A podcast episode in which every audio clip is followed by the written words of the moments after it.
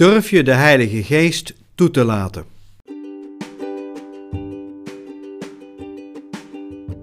Hallo allemaal, dit is Han Geppaard en ik heb een woord van God voor jou.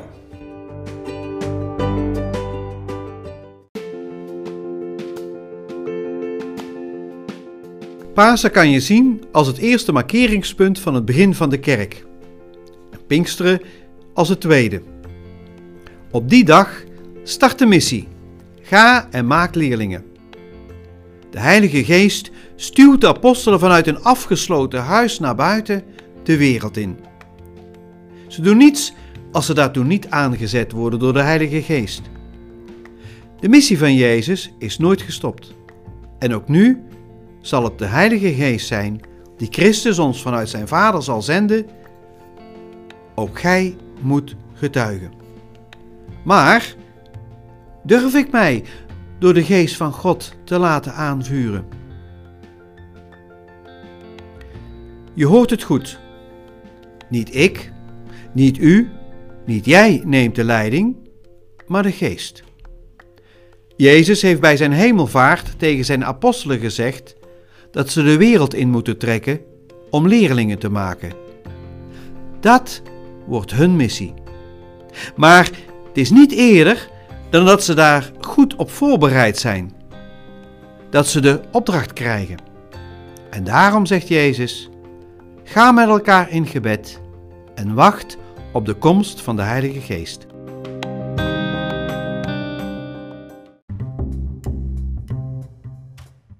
En zo lezen we dan in het eerste hoofdstuk van het boek Handelingen van de Apostelen dat de leerlingen bij elkaar zitten in een huis en zich hebben afgesloten van de buitenwereld. En dan komt de geest. De geest breekt dit huis open. Ze worden in vuur en vlam gezet. De drang in de apostelen is zo sterk. Nu moeten ze wel naar buiten. En dat niet alleen. De geest opent ook hun mond.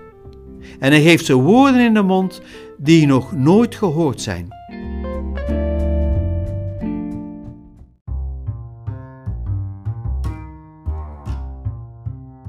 Ga en maakt leerlingen. Dat is de missie van Jezus. Dat is de missie van de leerlingen. En dat is ze nog steeds, tot op vandaag. Ga en maakt leerlingen. Precies dit is de laatste eeuw uit het zicht geraakt. We zijn die missie kwijtgeraakt, verleerd. We staan er niet meer bij stil. Onze kerk in het rijke Westen heeft zich naar binnen gekeerd. We hebben het gezellig met elkaar. We dienen onszelf en vooral geen vreemde binnenhalen die ons parochiële leven door elkaar gooien. Wel nu, alleen de geest kan dit openbreken. Moet dit ook openbreken? In zijn afscheidsreden zegt Jezus: Ik zal jullie de geest der waarheid zenden. Die geest zal op de eerste plaats getuigen over Jezus. Wie is hij nu eigenlijk? En vervolgens moeten de leerlingen de geest nadoen. Op hun beurt getuigen, verkondigen en dus leerlingen, dat zijn volgelingen maken. Wanneer wij als parochie of als kerk het hebben over missionaire kerk, dan kan enkel en alleen de Heilige Geest ons hierin leiden. Wanneer we het op eigen houtje doen, zonder ons te laten sturen door de geest, mislukt het, omdat het eigen belang steeds een rol zal spelen.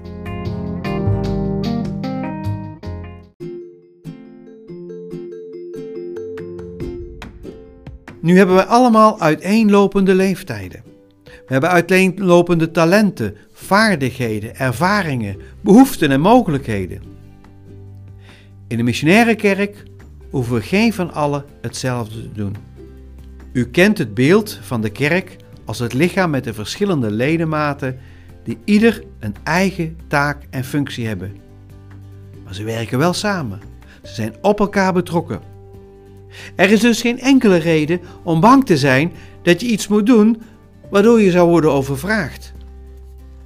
En daarom leg ik aan u, aan jou, deze ene vraag voor. Durf je de geest die Jezus vanuit zijn Vader ons zal zenden, durf je die Heilige Geest toe te laten? Durf je dat? Verlang je erna om in vuur en vlam te staan? Om in al je vezeltjes te voelen wie Jezus voor jou is? Om ten diepste te beseffen dat jij er in de ogen van God toe doet? Dat hij er mag zijn en dat jou dat tot tranen toe bewogen raakt? Dat de geest bezit van je mag nemen en je mag vullen met zijn liefde? Dat de Heer je een taak geeft in zijn missie. Ga en maak leerlingen.